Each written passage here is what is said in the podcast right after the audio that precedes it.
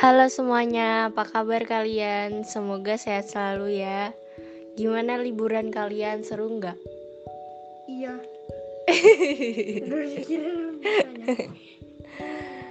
Yang jawab adekku guys. Jadi mulai aja ini adalah podcast tentang politik yang berpegang teguh sama etika. Dalam berpolitik dan berdemokrasi, tentunya setiap orang harus berpegang teguh pada nilai moral dan etika dong ya. Gak cuman itu, para politisi juga harus bisa ngedahuluin yang mana prinsip keadilan sosial dan solidaritas, terutama bagi mereka anggota masyarakat yang masih tertinggal. Dengan kayak gitu, gak perlu lagi tuh ada politisi yang dalam berpolitik sekedar nerapin prinsip hidup dan mati ikut pemimpin tanpa punya satu reserve pun kepada pemimpinnya itu. Apalagi punya pikiran buat selalu berorientasi pada kepentingan umum dan masyarakat banyak. Di zaman sekarang ini banyak kejadian-kejadian penurunan etika termasuk salah satunya etika politik dalam pelaksanaan sistem politik di Indonesia. Penurunan etika politik ini salah satunya ditandai sama munculnya sikap praktis di dalam perilaku politik yang hanya mementingkan kelompoknya, kelompoknya aja. Nah, dari situ kita jadi tahu sangat penting dan sangat perlunya etika politik ini. Ada beberapa manfaat etika politik bagi para pejabat. Pertama, etika diperlukan dalam hubungan antara politik dan kekuasaan.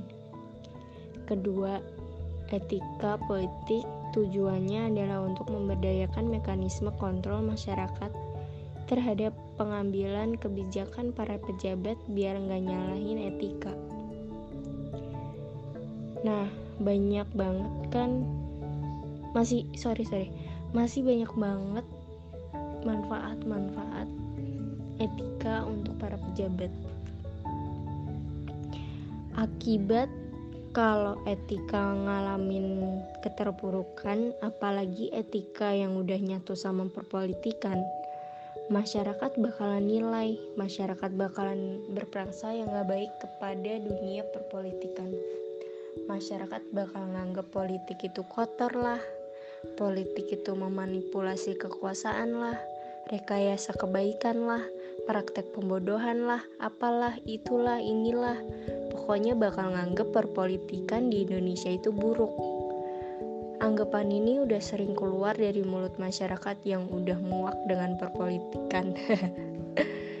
Jadi, banyak manfaat etika politik untuk para pejabat dan masyarakat juga.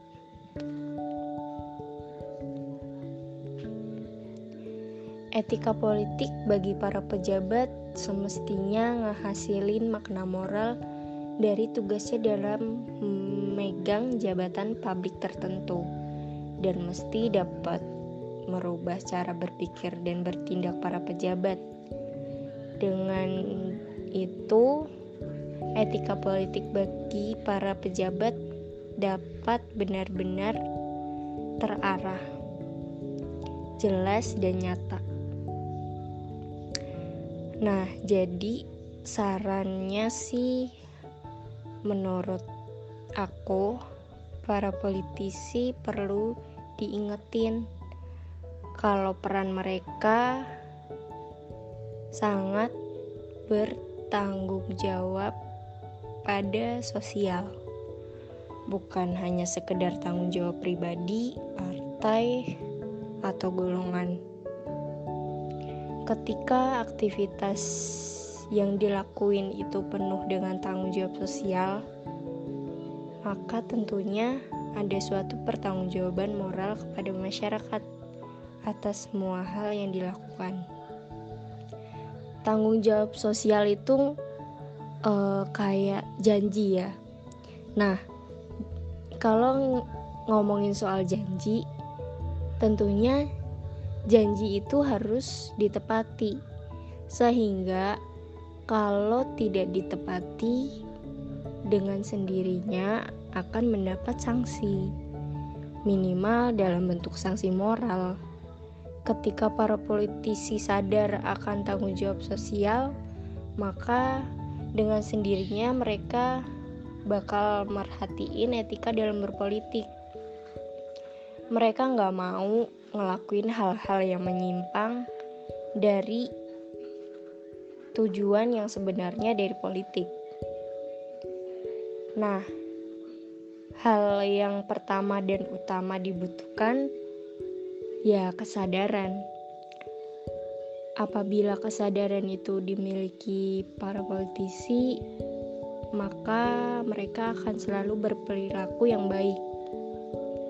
Nah, tentunya akan ngehasilin tanggung jawab sosial yang baik juga. Perlahan tapi pasti kok.